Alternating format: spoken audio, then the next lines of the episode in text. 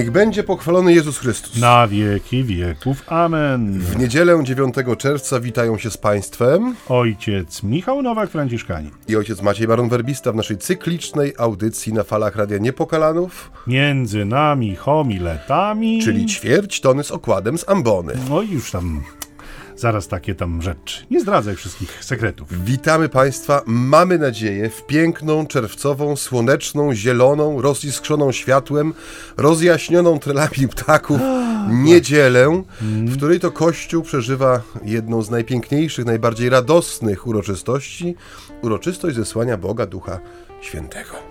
Bardzo to ładnie ojciec określił i rzecz jasna, jak zawsze, szanowni państwo, rozpoczynamy od słowa, bo ono nas tutaj gromadzi tak naprawdę i was przed radioodbiornikami, jak wierzymy. Nas w tym przytulnym. A nas zdecydowanie przy mikrofonach, bo to tam pogadać sobie możemy przez telefon, co często czynimy, a, a słowo, y, o którym chcemy mówić i które chcemy głosić, e, motywuje nas do tego, żeby wsiadać w pociągi, samochody, co tam kto ma pod ręką. traktory, kombajny. Co kto ma pod ręką i przybywania do grodu niepokalanej do Radia Niepokalanów, aby tę ewangelizację współczesną, nową w swoich metodach, środkach, entuzjazmie uprawiać.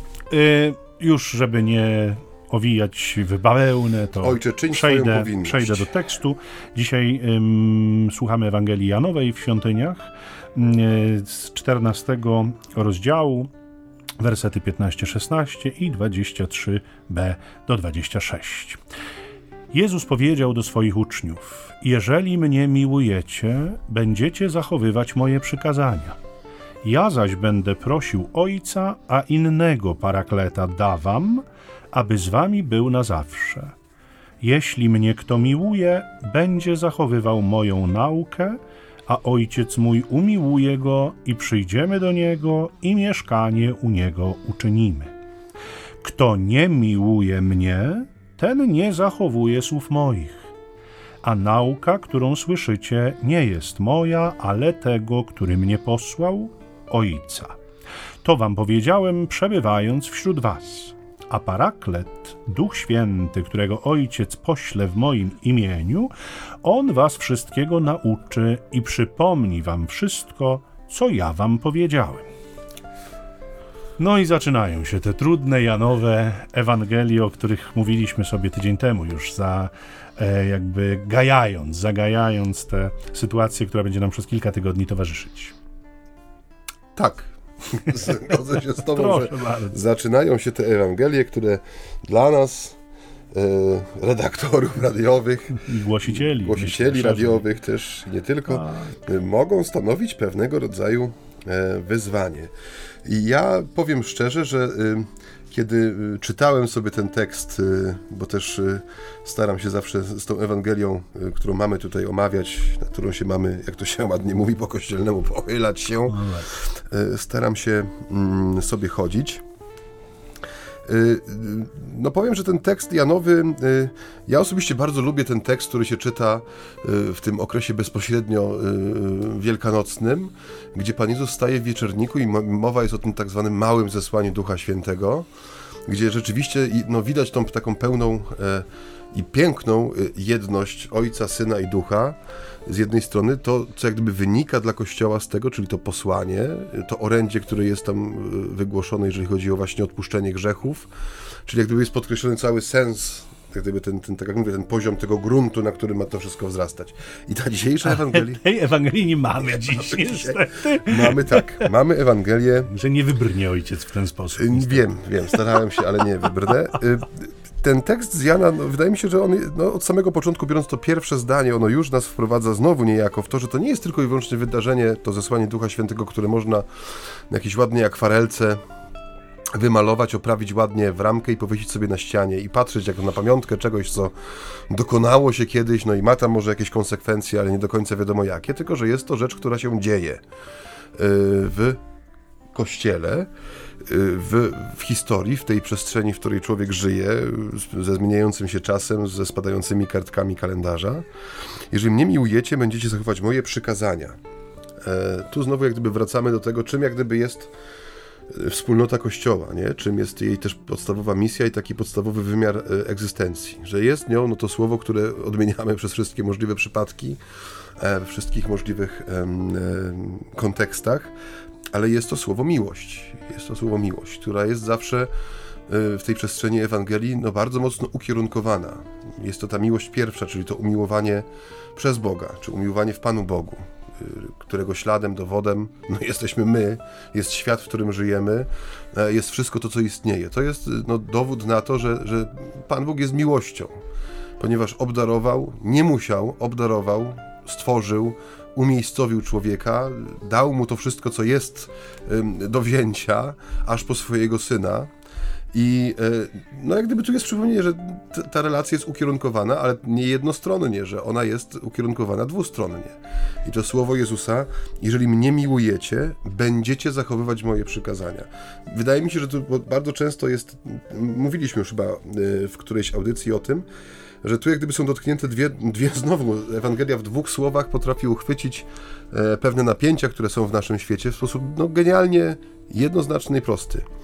E, tak jak mówię, dzisiaj to słowo miłość no, bywa często odmieniane na, na, na, na miliony sposobów. Mówiliśmy sobie, że dzisiaj też często no, człowiek decyduje o tym, co jest dobre, co jest złe, decyduje o tym, jak gdyby, którą ścieżką sobie idzie i też decyduje o tym, jak ma wyglądać miłość. Nie? To jest takie no my często ubieramy w słowo miłość coś, co nią nie jest, no ale nam się wydaje na przykład, że to jest miłość, nie? I bardzo często człowiek też przez to cierpi, no bo y, mnie się osobiście wydaje, mam nadzieję, że nie głoszę tutaj herezji. Ale zobaczymy, ja będę uważnie słuchał. Ojciec, weźmy sobie długopis. Różaniec i, różaniec i długopis. I długopis. Tak. Mianowicie, że miłość jest pewną rzeczywistością konkretną. To znaczy, no i ma swój kształt, ma swoją naturę, ma swoją dynamikę, ma swoją moc. Dla nas chrześcijan ma coś więcej, bo ma też imię i twarz. Nie? I y, no nie można przy całym tym szacunku dzisiaj dla, e, dla właśnie tej, tej, tego indywidualnego przeżywania swojego życia, dlatego że każdy ma swoje zdanie i swoją opinię i swój plan na życie, no nie można y, zgodzić się na to, że o ile tylko człowiek w swoim życiu coś nazywa miłością, to wszystko jest w porządku, nie? Zwłaszcza człowiek wierzący. Że no, jak, jak mówię, no miłość dla nas ma twarz, ma imię, Jezus Chrystus. I, I no nie można przyklejać go, naciągać go trochę, czy starać się jego płaszczykiem, czy płaszczem przykryć tak. czegoś, no co pod ten płaszcz się absolutnie nie mieści. To jest pierwsza rzecz. A druga rzecz, y, no, y, no jest to słowo jeżeli, które no, wprowadza jakiś taki tryb warunkowy. Tryb warunkowy, że jest, no, że nie jest to y, coś, co przychodzi jak gdyby samo, nie? że jest, y, nie chodzi mi, że to jest warunek taki, w sensie, że pod warunkiem, że będę Cię kochał, bo miłość pod warunkiem nie jest miłością, mhm. ale to wydaje mi się jest w drugą stronę, że Jezus pokazuje, jakie będą skutki tej miłości, nie warunki, nie? I to jest dzisiaj też, y, no, y, ludzie mają problem z jednej strony z kochaniem, czy z byciem kochanym, czy z kochaniem i z miłością, a z drugiej strony mamy problem często, wydaje mi się, no z tym, co mówi Ewangelia, czy z zachowaniem przykazania. Czyli mamy problem z tym, że ktoś nam mówi, co jest dla mnie dobre, co jest dla mnie złe, czego mam się wystrzegać, ku czemu mam zmierzać. No bo skoro każdy dzisiaj sobie jest y, sterem, żeglarzem i okrętem, no to bardzo trudno nam przychodzi jakiekolwiek przyjmowanie jakiegoś autorytetu, kogoś, kto ma coś do powiedzenia, a już najbardziej trudno nam przychodzi no, złożenie zaufania y, w czymś czy w kimś. Zaufania takiego, które no, no jest zaufaniem o życie, nie? Bo jak, jak, jeżeli wierzymy, no to te słowa to są słowa, które no, ustawiają rzeczywistość troszkę zero-jedynkowo. Jest albo tak, albo tak. Nie ma jakiejś wygodnej ścieżynki wydeptanej po środku. Bardzo mnie cieszy, że poruszyłeś ten wątek miłości. Rzeczywiście od niego ta Ewangelia się rozpoczyna, ale y, y, wątek miłości, która ma imię, która ma twarz, bo w istocie my, my odkrywamy tę miłość, jej źródło w Jezusie Chrystusie i to jest ta miłość, która y, ma ten charakter responsoryjny, czyli ona wzywa nas do odpowiedzi. Nie? Mm, przypomnijmy, że w trakcie liturgii śpiewamy psalm responsoryjny, co oznacza, że odpowiadamy na Słowo Boże. Jest ten refren, który śpiewamy wszyscy, który jest naszą odpowiedzią na usłyszane Słowo.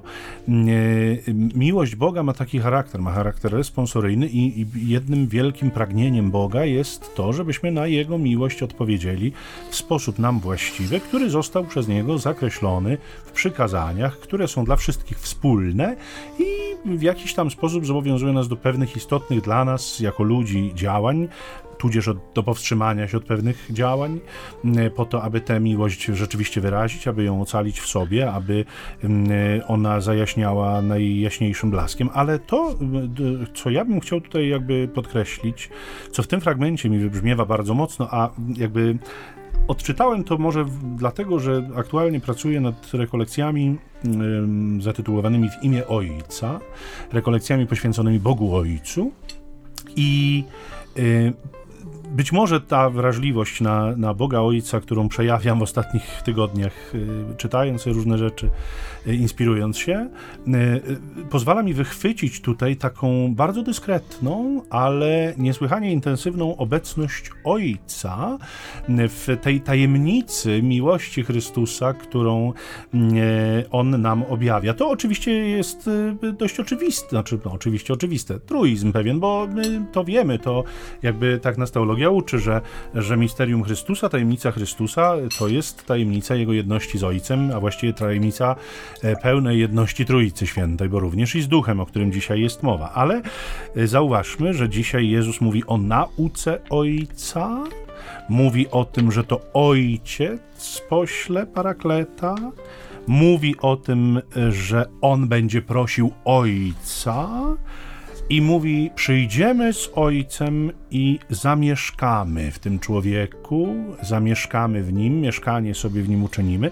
I to, co mnie najbardziej urzeka i fascynuje, to ten ogrom miłości Boga, która, której my chyba nie mamy zdolności chwytać, w sensie takim nie jesteśmy w stanie jej w pełni rozpakować i, i, i doświadczyć, ale tego typu porównania czy obrazy, one mają to do siebie, że pomagają nam chyba y, coś niecoś przeczuć z tego, jaką ta miłość Boga jest, bo ten, który się tak całkowicie od nas różni, ten, który jest, mówimy tak mądrze, transcendentny, czyli całkowicie poza światem, ten, który, y, który nie ma nic wspólnego z ludzkością, w sensie natury, y, jest skrajnie inny, jest Bogiem, który ma tak wielkie pragnienie przebywania ze swoimi dziećmi, ze swoim ludem, że jest gotów mieszkać w nas, jest gotów mieszkać w swoich niedoskonałych stworzeniach, jest gotów uczynić sobie mieszkanie w człowieku, który wiemy doskonale jest ograniczony y, bardzo, jeśli chodzi o swoją ludzką naturę, naturę grzeszną, naturę słabą, jest y, obarczony ciągłymi, błędnymi, niewłaściwymi wyborami, wyborami nie Boga, ale czegoś, co Bogiem nie jest, albo co się wręcz temu Bogu sprzeciwia, a mimo tego Ojciec, Syn i Duch Święty mają pragnienie, aby w tak niedoskonałych stworzeniach przebywać na stałe, bo mieszkać to jest przebywać na stałe, nie? To nie jest bywać. To hotel jest, gdzie się bywa ewentualnie, albo mieszkanie cioci, nie? Czy babci, w którym się bywa. Ale moje własne mieszkanie, które ja sobie czynię, to jest mieszkanie, w którym ja jestem. Oczywiście wiadomo, że może nie 24 godziny na dobę, ale jest to punkt, w którym ja mam stałe zatrzymanie. To nie jest miejsce, do którego okazjonalnie zaglądam. Więc to mnie tak niesłychanie urzeka w tym słowie, że Pan Bóg przedstawia nam się w tak zupełnie dyskretny sposób, o czym zresztą za chwilę jeszcze pewnie trochę powiem, bo to też jest dla mnie takie takim smakiem tej Ewangelii, ale to, co mnie dotyka mocno, to to, że w ten dyskretny sposób ojciec przez syna objawia nam cały ogrom swojej miłości, zapraszając nas niejako do tego, żebyśmy, żebyśmy ją smakowali, żebyśmy ją rozpakowywali, żebyśmy jej doświadczali na miarę naszych możliwości dziś, myślę. Mm. To miejsce zatrzymania mi się podoba, ten, ten, to słowo, którego użyłeś, bo znów może trochę odwołam się do e, takiego szerszego krajobrazu. Mówi się tak często, można też przeczytać w wielu takich różnych y, publikatorach, y, że no, dzisiaj bardzo dużo jest ludzi, którzy mają jakieś poczucie życiowej pustki, rozpaczy, takiego bezsensu też, braku celu. Oczywiście trudno jest y, y, no, powiedzieć komuś, że słuchaj, zacznij się modlić na przykład na różańcu, a na pewno to wszystko się odmieni, prawda? Bo mamy często takie tendencje do mm, traktowania trochę takich e, rzeczy duchowych w sposób taki bardzo e, no, mechaniczny czy magiczny. To nie o to chodzi. E, wydaje mi się, że moglibyśmy wrócić troszeczkę do tematu, który poruszyliśmy w zeszłym tygodniu że co jak gdyby, jaka jest droga do tego, żeby te słowa Jezusa z dzisiaj stały się udziałem człowieka. Bo tak, jeżeli patrzymy sobie tak zupełnie z dystansu, powiedzmy, patrząc na Ziemię z Księżyca, nie? Jak to, taką troszkę mniejszą, ale jednocześnie w takim szerszym oględzie. O czym tutaj jest mowa? Często się pojawia pytanie, jaką ofertę dzisiaj ma Kościół dla świata, jaką ofertę ma chrześcijaństwo dla świata. Tak jak się, no, mówimy często, że no, mamy taką skłonność do patrzenia przez pryzmat słabości, skandali, jakichś takich wydarzeń, które no, smucą i, i bolą. I jak gdyby zapominamy o całej tej rzeczywistości, która dzieje się cały czas, która nie przestaje być, yy, a której źródłem, treścią i smakiem jest sam Pan Bóg. Że cały czas przecież w kościele głosi się Ewangelię, przeżywa się Eucharystię, ludzie się modlą, e, ludzie przeżywają tą jedność z Panem Bogiem w sakramentach e, rozwijają ten swój dar sakramentu chrztu każdego dnia. I to owszem, w tym kościele dokonuje się coś, co, co nas zasmuca i co nas bardzo boli, i, i, co jest cierpieniem samego Chrystusa, tak jak to w tej chwili się mówi, i przypomina się o tym, że, że w tych cierpiących ludziach cierpi sam Chrystus. Ale z drugiej strony musimy mieć też świadomość, że dzieje się ten cały ogrom Bożej miłości, że Pan, Pan Bóg nie zakręcił tego kranu. E, tak jak mówi, że to nie jest czasowy pobyt, czy to nie jest hostel, e, który on sobie wybrał. Słowo stało się ciałem, zamieszkało między nami, czy jak jest pięknie przetłumaczone, rozbiło ten swój namiot między nami. Czyli to jest oznaka właśnie, że ja wybieram to miejsce i tu chcę pozostać. Więc jeżeli mówimy o tej ofercie, brzydko mówiąc, używając języka handlowego, jaką Kościół ma dzisiaj dla świata, czy jaką Ewangelia ma dla człowieka dzisiaj, to trzeba sobie uświadomić, że to jest najbardziej niesamowita wizja, jaką tylko można sobie wyobrazić. Bóstwa nie, które jest właśnie żądne, nie wiem, mleka kokosowego, świeżych kurczaków i kosza kiwi każdego dnia, tylko Boga, który jest tak zakochany w swoim stworzeniu, że, że chce w nim być nie? że chce w nim być. Czyli, że człowiek, który chodzi ulicą, wsiada do tramwaju, modli się, cierpi, kocha, płacze, śmieje się, odpoczywa, śpi, jest mieszkaniem, jest ojczyzną, jak to mówił pięknie Roman Brandstetter, jest ojczyzną Pana Boga. On sobie to wybrał, bo tak mu się spodobało, bo to też jest też tajemnica Bożej miłości. To nie jest wynik jakichś kosmicznych równań, które gdzieś tam się poukładały, czy liczydeł, które gdzieś tam się poprzesuwały. Same. Same, tylko to jest decyzja wolna istoty, która no tak, tak mnie umiłowała, widząc też, że jestem takim pękniętym dzbanem, że nie boi się zamieszkać we mnie w całości swojej. Na tyle, na ile człowiek jest w stanie przyjąć poprzez swojego Syna, czyli z Jezusem, przez Jezusa i dla Jezusa. Nie? A dlaczego tak mało jest to uchwytne dla nas? Dlaczego tak e, nie do końca potrafimy jakby to poczuć? E, dowiemy się po... Po krótkiej przerwie muzycznej, na którą Państwa serdecznie zapraszamy.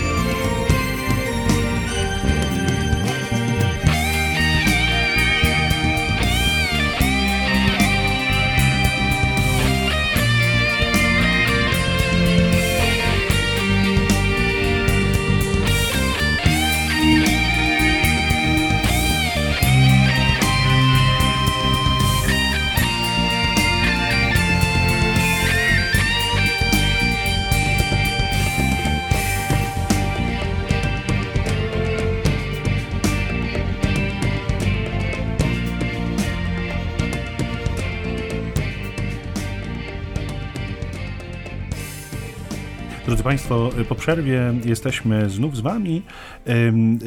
Zapowiadałem przed chwilą, że chciałbym dotknąć tematu tych trudności swoistych, na które napotykamy i to nie my, bo to nie od nas się to świat zaczął.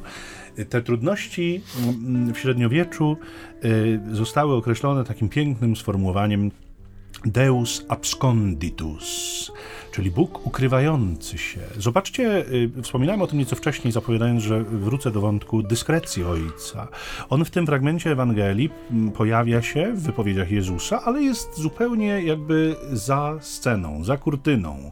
Jest dyskretny. I y, właściwie y, cała historia zbawienia to jest historia Bożej propozycji. To nie jest historia Bożego przymusu. Bóg nie zbawia nas na siłę, nie zmusza nas do współpracy, do tej odpowiedzi na miłość, dlatego że do miłości nikogo się nie da zmusić. Do miłości można tylko zachęcić, można ją zaproponować i zgodzić się na to, że albo zostanie przyjęta, albo zostanie odrzucona. I tak jest rzeczywiście z naszym Bogiem. Bogiem, który nie jest oczywisty. Bogiem, który y, nie jest y, postrzegalny zmysłowo i o którym możemy powiedzieć, że jest, bo go widzimy, albo jest, bo go słyszymy tu i teraz, jak mówi do nas, y, poruszając falami powietrznymi, i ten dźwięk dociera do naszych uszu. Owszem, to się czasem zdarza w nadzwyczajnych objawieniach, cudownych i zupełnie niezwykłych, ale to, to nie ten poziom kontaktu z Bogiem, ten poziom, o którym mówimy jakby od samego zarania dziejów, od samego początku, to jest poziom bardzo wewnętrzny. No może poza rajskim ogrodem, gdzie Bóg przechadzał się w obecności ludzi, to potem z tym widzeniem Boga już było znacznie gorzej. Wiemy doskonale, że ta grzeszna natura sprawiała, że to, co e, grzeszne, no wobec Boga nie może się ostać. I e, te objawienia, których doznawali ludzie, choćby Mojżesz czy Eliasz, dotyczyły zwykle no, nie twarzy Boga, ale albo jego pleców, albo w ogóle jakiejś jego obecności, powiedzmy, w znakach czy, czy symbolach. Natomiast e, urzekająca jest ta dyskrecja Boga, to, że on się nie narzuca, to, że on nie wchodzi z buciorami w nasze życie, to, że on nas nie rozstawia po kątach, to, że on y, poddaje się naszym ocenom, osądom, e, e, że jakby pozwala nawet w siebie nie wierzyć, nie? tym, którzy, e, którzy są jego dziećmi, którzy są stworzonymi przez niego, e, pozwala tym dzbanom, które wyszły z jego rąk, powiedzieć, coś, coś uczynił, po coś mnie uczynił, nie, nie chcę należeć do ciebie. Bóg, który jest Bogiem niesłychanie pokornym? Bogiem, który e, e, jakby jest spokojny jest cierpliwy oczekuje na człowieka. Nie, nie ma e, w jego działaniu gwałtownych ruchów, nie ma przemocy, nie ma przymusu. Przemocą i przymusem nikt jeszcze nikogo nie nawrócił. Y, I Kościół się kiedyś o tym przekonywał boleśnie, kiedy próbował sięgać po tego typu metody. Y, to nie ma sensu. Miłość domaga się tego, żeby była ofiarowana i wówczas może być albo przyjęta, albo odrzucona. Tylko dwie możliwości. Natomiast nie ma sensu jej wtłaczać w ludzi na siłę, nie ma sensu przymuszać do miłości, bo to nigdy nie wydaje właściwego owocu. No i tą drogą idzie Kościół, można powiedzieć, od e, no, ponad półwiecza, kiedy, e, kiedy wczytujemy się w dokumenty e, Soboru Watykańskiego II. Oczywiście nie będziemy ich tu czytać na antenie, ale... Nie? nie. A to po co ojciec je przyniósł? ale...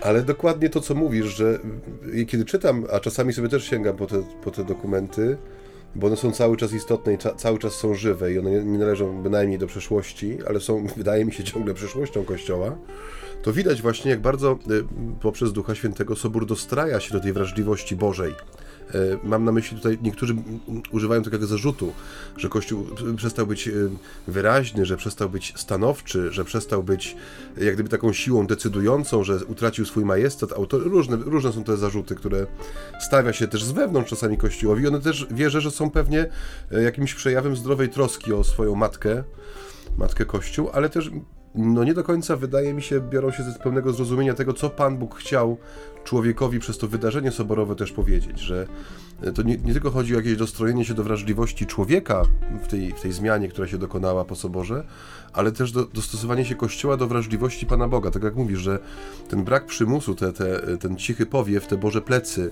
nie? E, które człowiek ogląda, E, że one, tak jak mówisz, one są znakiem, czy można powiedzieć, że to jest jakaś graficzna reprezentacja, no właśnie tej, tej dyskretności z jednej strony stwórcy, który absolutnie szanuje ludzką wolność. To jest, no mówię, tajemnica ludzkiej wolności dzisiaj szczególnie, kiedy no, jest tyle rzeczy, które nas zniewala, e, Chociaż często też takim dramatem dzisiejszym jest to, że często właśnie e, zniewolenie jest brane za objaw wyzwolenia. Tak, tak. To jest też ciekawe i paradoksalne. I że dlatego pytaliśmy, dlaczego tak trudno jest to uchwycić, nie? Ten, ten, no to, to piękno, które dzisiaj w słowie do nas jest e, wypowiedziane, nie? To, to, to no mówię, dla mnie to jest jedna z najpiękniejszych deklaracji, e, którą można znaleźć tutaj w, na kartach Pisma Świętego, znaczy deklaracji, obietnic Pana Boga względem człowieka, o tym zamieszkaniu, nie? Całego mhm. Bożego majestatu, całej Bożej pełni, całej Bożej miłości e, w człowieku, który będzie kochał, nie? Że nad tym wydaje mi się warto zastanowić i pomedytować w swoim życiu, że, że w moim, zobaczyć ile, ile rzeczy w moim sercu ma swoje miejsce, nie? bo każdy z nas coś w sercu nosi, kogoś coś, y, o coś się troszczy, coś uważa za cenne, piękne, coś rozwija y, i warto się zadać sobie pytanie, czy, czy biorąc do ręki dzisiejszą Ewangelię, y, czy ja jestem gotowy na taką bliskość, nie? bo tak jak mówisz, że Pan Bóg nie wchodzi z buciorami, w życie człowieka. On nie jest brutalem, który, który przy pomocy jakiegoś łomu czy wytrycha wdziera się i, i, i zajmuje jakiś skłot, jak to się dzisiaj mm -hmm. mówi, tylko przychodzi, tam jest podana wyraźna ta dynamika miłości. To jest jak gdyby ten klucz, który otwiera serce człowieka na to Boże przebywanie, ale też y, jak szczęśliwym stworzeniem jest człowiek, i jaka jest rzeczywista godność, natura człowieka. To też jest, mówię, no, to jest e, temat do rozważań, mamy na niejedną mhm. audycję. Jaka tu jest tak. propozycja tego, kim jest człowiek w oczach Boga, czyli jako, jaką wizję człowieka przynosi nam objawienie. E, wobec tych takich bardzo czasami zredukowanych dzisiejszych definicji czy obrazów człowieka które są zupełnie no, mhm. pozbawione konturów, jakichkolwiek granic, ale też wydaje mi się, że są przede wszystkim pozbawione zdolności bycia kochanym i kochania. I ja myślę, że to właśnie ciągle wokół tego kochania, wokół tej miłości, zresztą idziemy śladem Jana, który y, tak dużo o tym mówi, czy właściwie cytuje Jezusa, który o tym mówi często. Y, myślę sobie, że takim ogromnym bólem serca Bożego musi być to, że na Jego miłość nie odpowiadamy jej przyjęciem i mm, naszą miłością. Zobaczcie, y, myślę, że to możemy sobie śmiało próbować odrobinę wyobrazić, y, przekładając na nasze ludzkie życie. Jeżeli kogoś kochamy bardzo mocno, kochamy intensywnie, chcemy dla niego dobra, pragniemy dobra, co więcej, wiemy, wiemy, co jest dla niego dobre, nie mamy co do tego żadnych wątpliwości, nie przypuszczamy, że to jest dobre, ale wiemy doskonale. To może są rzadkie sytuacje, ale jednakowoż, wyobraźmy sobie taką. Wiemy też, co mu szkodzi, wiemy też, co, co przynosi zło jego życiu, więc próbujemy tę naszą miłość i tę pełnię wiedzy ofiarować, a spotykamy wzgardę, odrzucenie, jakby szyderstwo niejednokrotnie, stwierdzenie, że ten ktoś wie lepiej, że nie potrzebuje naszych rad, że nie potrzebuje naszej obecności, że on sobie świetnie bez nas poradzi i tak dalej, i tak. No, co czujemy wtedy? No, wie, wiemy, co czujemy. Czujemy ogromne rozczarowanie, e, czujemy ogromny smutek, e, coś takiego tak naprawdę rozdziela nam serce, bo, bo mówimy przecież ja chcę dobrze, co więcej, ja jestem przekonany, że wiem. I zobaczcie, drodzy Państwo, y, y, uwzględniając ten aspekt ludzki, w którym rzeczywiście o takim przekonaniu, że wiem, co jest dla kogoś innego dobre, no mówimy raczej rzadko, pewnie raczej w przypadku, nie wiem, rodziców wobec ich niemowląt, bo to jeszcze jest taka faza, w której ewidentnie wiedzą, co jest dla tych swoich dzieci lepsze, to znaczy wiedzą lepiej niż te dzieci, może tak, bo nie zawsze wiedzą, ale, ale wiedzą z założenia lepiej niż te niemowlęta, bo potem wiadomo, że człowiek dojrzewa powoli i staje się odrębnym jakby zupełnie od swoich rodziców. Trudno jest powiedzieć z całą pewnością, że wiem, co dla kogo jest dobre. Natomiast Bóg może. Bóg może to powiedzieć, nie? On wie doskonale, co jest dobre i on przychodzi z, z, całym tym swoim poznaniem po to, żeby się z tym z nami podzielić, po to, żeby ofiarować swoją troskę, miłość, która nie zawłaszcza, która nie odbiera nam swobody, która nie tłamsi, nie dusi nas, nie? a spotyka się bardzo często z, no powiedzmy najoględniej brakiem zainteresowania, bo już nie chcę mówić mocniej, czy lekceważeniem, czy, czy odrzuceniem, czy wzgardą, ale nawet jeśli chodzi o nas, chrześcijan, którzy mienimy się ludźmi wierzącymi i tak naprawdę mamy takie przekonanie, że przyjmujemy Boga w naszym życiu, no to tak na spokojnie siedząc i rozważając, no powiedzmy sobie, jaka jest ta jego obecność nie, w naszym życiu, jakie to jego zamieszkanie. Czy to nie jest czasem tak, że rzeczywiście, jak w hotelu, od czasu do czasu, jak sobie o nim przypomnimy, no to wystawiamy mu e, jakby na drzwiach. Zydelek. A tak, albo karteczkę na drzwiach, że no zajrzyj, nie? W niedzielę o 11, bo akurat wtedy będziemy mieli chwilę dla ciebie. A tak naprawdę przez całą resztę tygodnia no niby jakieś tam miejsce dla niego jest zarezerwowane, bo możemy sobie na to pozwolić, że mu takie miejsce zarezerwujemy, ale jego obecnością tam nie jesteśmy szczególnie zainteresowani. Nie zaglądamy, nie pytamy, nie szukamy, nie spotykamy się, a już nie mówiąc o tym, żebyśmy za nim tęsknili w jakikolwiek sposób, czy pragnęli go, czy y, odczuwali głód Boga. No bo te rzeczy, tak powiedzmy sobie szczerze, drodzy Państwo, czy się w nas pojawiają, czy też nie. Ja mam czasem taką obawę, że, że nie to może krótka przerwa słowno-muzyczna dla Państwa, a my no pozbieramy może. myśli tak, i, i zapraszamy jeszcze, po niej. Tak, będziemy powoli lądować.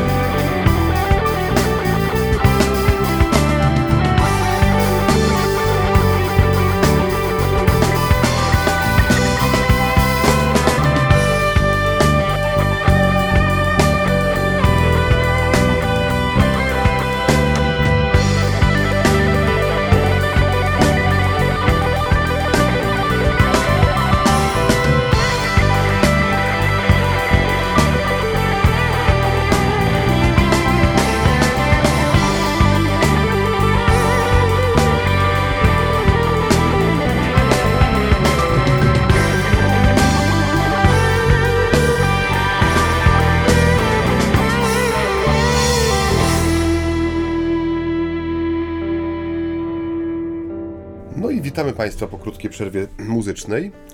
Tak, ja myślę, ojcze, że jeszcze y, pozostał nam tutaj chyba główny bohater dnia, bośmy o Duchu Świętym trochę może niekoniecznie dużo powiedzieli, a a trzeba, należy, wszak dzisiaj niedziela zesłania Ducha Świętego i on nam się w tej Ewangelii pojawia i on ma y, swoją bardzo jasno określoną rolę, o której mówi Jezus. Nie? Mówi bardzo jasno o tym, że Duch przyjdzie i wszystkiego was nauczy i przypomni wam wszystko, co ja wam powiedziałem.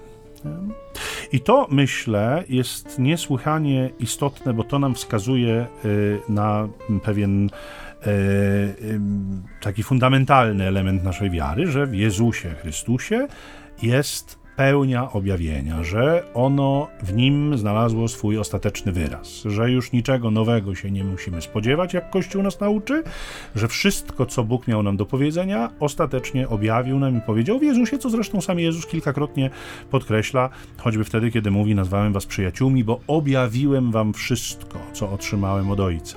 A zatem mamy, mamy dzisiaj tę misję Ducha Świętego, która y, w jakiś sposób, ścisły sposób jest związana z misją syna. Hmm. Jest misją wyjaśniającą, jest misją przypominającą, jest e, misją interpretacyjną. Powiedziałbym, że Duch Święty nieustannie wciela przesłanie Chrystusa w ten świat, uwzględniając zmieniające się epoki, zmieniające się rzeczywistości, zmieniającego się człowieka, nie? zmieniające się e, e, konteksty. Więc e, tu jakby warto, żebyśmy sobie z tego zdawali sprawę, że on ma swoją rolę, że to nie jest taki Bóg, który właściwie nie bardzo wiadomo po co jest. No bo ojciec to tam stworzyciel, syn Boży, zbawiciel, a Duch Święty to właściwie taki. Życie Kościoła i świata. No właśnie, no to takie właśnie jest bardzo ładne sformułowanie, ale. Można użyć okrągłych terminów, które często nam uciekają z ręki jak mokra kostka mydła.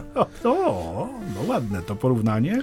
Chyba zacznę zapisywać te twoje złote myśli, jak e, pani Małgorzata Walewska myśli pana Królikowskiego w programie Twoja twarz brzmi znajomo, bo rzeczywiście tam też niejednokrotnie złote myśli padają, mm. więc może tak należy i twoje zapisywać. Tak. Y, jeżeli chodzi o to, co powiedziałeś przed chwilą, y, ja bardzo często, kiedy myślę sobie o tej, y, no tak jak mówisz, misji Boga Ducha Świętego w świecie, mam takie wrażenie, że kiedy powiedziałeś, że ten, użyłeś tego terminu Deus absconditus, czyli taki Pan Bóg ukryty, dyskretny, że można powiedzieć, że to jest ikona e, Boga Ducha Świętego. No, bo e, tak jak mówię, mówiliśmy to już poprzednim razem niejednokrotnie, Ewangelia jest bardzo zmysłowa, nie? Chociaż skąpi nam czasami szczegółów, e, ale jest bardzo zmysłowa. Widzimy, że to jest konkret pewnej historii, konkretnego miejsca w czasie, konkretnych ludzi. Jezus jest konkretnym człowiekiem, który ma matkę, który ma opiekuna, ma przyjaciół, ma swoje y, ścieżki, ma swoje drogi, którymi chodzi to jest, mówię, bardzo namacalna, konkretna rzeczywistość. Kiedy wkraczamy e, na ten teren Ducha Świętego, no to możemy się zastanowić, no powiedzieć sobie, no pokaż mi, pokaż mi swoje działanie, pokaż mi, gdzie, gdzie widać Jego działanie, nie? I wydaje mi się, że e, działanie Boga Ducha Świętego w świecie jest takim działaniem, które wymaga pewnego spojrzenia niejako z dystansu, nie? Że dopiero jak zrobię taki, tak jak, mówi, jak to ładnie ująłeś, że dopiero kiedy dojdzie do takiego momentu zatrzymania się, już nie mówię o tym nawracaniu się, ale w ogóle zatrzymania się i spojrzenia na pewną rzeczywistość y, z trochę szerszej perspektywy. Dopiero wtedy widzimy, że pewne rzeczy, które nie do końca miały znamie y, Bożych dzieł w naszym życiu, nagle okazują się elementami pasujące do siebie układanki. Że pewne doświadczenia, które nam się wydawały trudne i bolesne, albo może takie, które po prostu były nam obce i nie chcieliśmy ich przyjąć, nagle okazują się stopniem czy też bramą do rzeczywistości zupełnie przekraczającej. I wtedy sobie myślę, że kiedy ktoś zadaje sobie pytanie o tą obecność Boga Ducha Świętego, to znów nie powinien patrzeć nigdzie indziej niż w to, co mamy, czyli w objawienie, czy, a konkretniej no, w historię życia Jezusa. Nie? Kiedy no, rozpoczyna się publiczna działalność y, y, Jezusa, kiedy mamy ten moment nad rzeką Jordan, kiedy objawia się Duch Boży w postaci jakby gołębicy, kiedy słychać ten głos Ojca, który mówi, to jest mój Syn umiłowany, Jego słuchajcie, to musimy mieć świadomość, że wszystko, co się od tej pory dzieje, jest w pewien sposób, czy może być w pewien sposób używane jako to manifestacja, czy jako dzieło Boga Ducha Świętego. Jezus działa w mocy Ducha. I zauważmy, co się dzieje. Oprócz głoszenia, przypowieści, cudów, uzdrowień, jest też całe misterium paschalne, którego właściwie, tak jak mówią mądrzy ludzie, Ewangelia to jest opis misterium paschalnego poprzedzony krótkim wstępem. E, I wtedy musimy wziąć pod uwagę, że ta manifestacja Ducha Świętego no, dokonuje się gdzie? No, pośród niezrozumienia, odrzucenia, aż po zdradę, aż po cierpienie, mękę, krzyż, biczowanie, oplucie, ucieczkę najbliższych, zwątpienie, niedowierzanie. I jak gdyby tutaj znowu Ewangelia jest tak bardzo aktualna, jeżeli pokazuje człowiekowi, który może wątpi to działanie Boga Ducha Świętego w świecie, że, żeby zobaczyć, że Pan Bóg jest, no jest Panem historii. To mówię, dla mnie to jest, ja to odkryłem pisząc któryś tam z rozdziałów mojej pracy, ale to jest dla mnie taka potężna intuicja, że Bóg jest Bogiem historii. Cokolwiek w tym świecie, który On stworzył i obdarzył wolnością się staje, On jest w stanie poprzez to realizować swój plan. Nie? No, poprzez podniesienie ręki na swojego syna, przybicie go do krzyża, jest w stanie dać człowiekowi wolność. Nie? Rzeczy, które absurdalnie, znaczy absolutnie się jak gdyby no, nie kleją ze sobą. Nie? No, krzyż, szubienica, męka, tak jak mówię, no, zdrada, odrzucenie, pycha też, nie? czy postawienie się w miejscu Boga, że to wszystko mu zupełnie nie przeszkadza. I jeżeli chcemy poszukać miejsca działania Boga Ducha Świętego w swoim życiu, to wydaje mi się, że właśnie trzeba spojrzeć na swoje życie nie w poszukiwaniu tych fajerwerków, bo też dzisiaj często tą obecność Ducha Świętego, nie? Bardzo słusznie kojarzy się z radością, z tym, z tym uwielbieniem, z dziękczynieniem, ale on jest, wydaje mi się, bardziej niż kiedykolwiek Deus absconditus, że on idzie jako pan historii przez te wszystkie wydarzenia, które może są nawet gruzowiskiem i miejscem, które wygląda jakby tam chwilę temu wybuchła bomba, i on jest w stanie przeprowadzić przez to swój plan dla człowieka, swoją wizję dla człowieka, którą jednoznacznie objawia w Jezusie Chrystusie, który mimo starcia z powierzchni tej ziemi wychodzi zwycięski. I tu jest los człowieka zapisany, i tu jest też, wydaje mi się, to, mi, to odpowiedź na pytanie, pokaż mi, pokaż mi, pokaż mi proszę księdza, gdzie ten Duch Święty działa, mm. nie? Że my, bo my często dziś tak mówimy, no, mamy jakieś takie pofragmentowane kawałki rzeczywistości. Jak mówisz, dzisiaj o 11 będę, Panie Boże, mhm, ale tu już mnie dla Ciebie nie ma. Tymczasem no, y, no, człowiek nie jest w stanie postawić tamy Bożemu działaniu, co nie znaczy, że Pan Bóg się wdziera siłą. Ale tak jak mówię, jego plan i tak będzie zrealizowany, jego plan i tak się dokonuje. Dzień po dniu, sekunda po sekundzie, nie?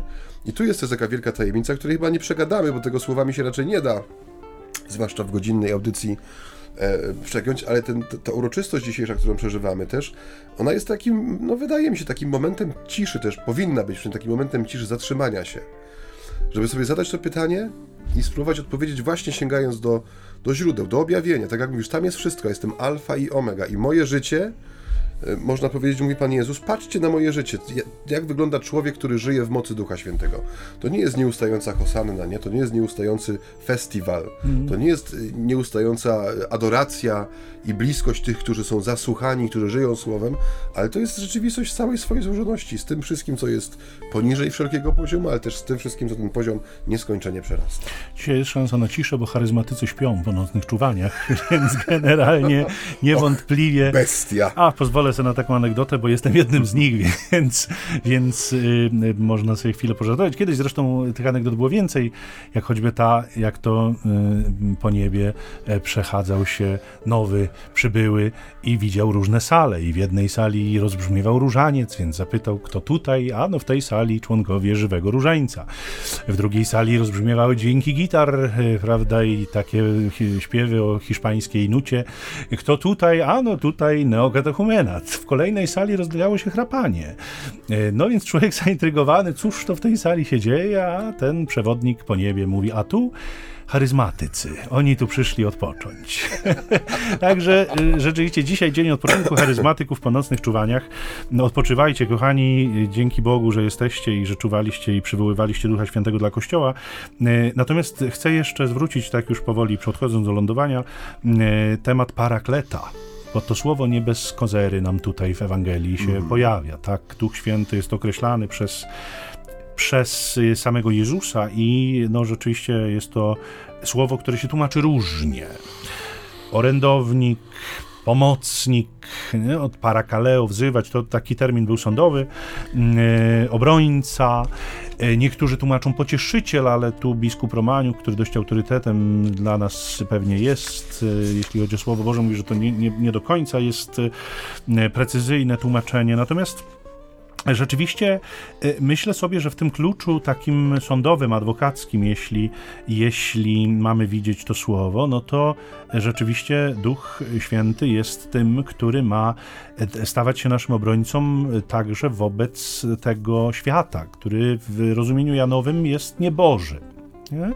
To e, zresztą w myśl zapowiedzi wcześniejszych Jezusa, kiedy to mówił, że Duch Święty wszystkiego was nauczy, kiedy będziecie targani czy tam szarpani przed sądy, przed e, namiestników, przed synagogi, nie przygotowujcie sobie tego, co tam będziecie mówić, bo Duch Święty przyjdzie i Duch Święty będzie mówił. On e, będzie tym, który będzie ojcem waszego świadectwa. On będzie tym, który będzie wam gwarantował namaszczenie, będzie jakby obecnością Bożą w was, która poprowadzi was w tych najtrudniejszych momentach waszego życia.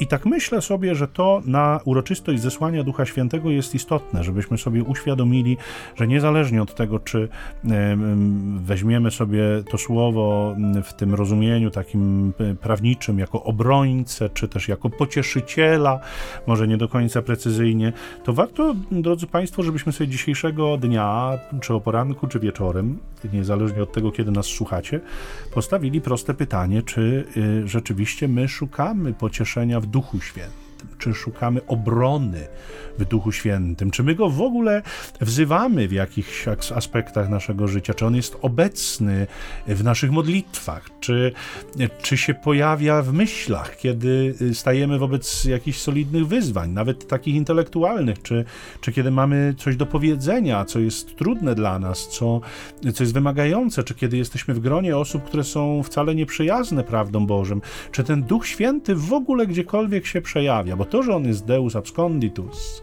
e, również jako jedna z osób Trójcy, to e, co do tego się zgadzamy, że on sam się niejako trochę e, ukrywa, ale czy my mamy w ogóle jakiekolwiek pragnienie w sobie, żeby go odkrywać, żeby się go uczyć, żeby go do naszego życia zapraszać, żeby e, także tę osobę Trójcy Świętej w swojej świadomości notować, bo hmm. mam takie wrażenie, że Duch Święty jest jedną z najmniej odkrytych osób Trójcy Świętej, a tak, może to, całkiem to Warto chyba poszerzyć tą listę pytań, które e, przed chwilą zadałeś o to jedno właśnie, czy ja dopuszczam taką możliwość, że w, w, tych wszystkich sytuacjach, które wymieniasz, że nie jestem sam. Nie?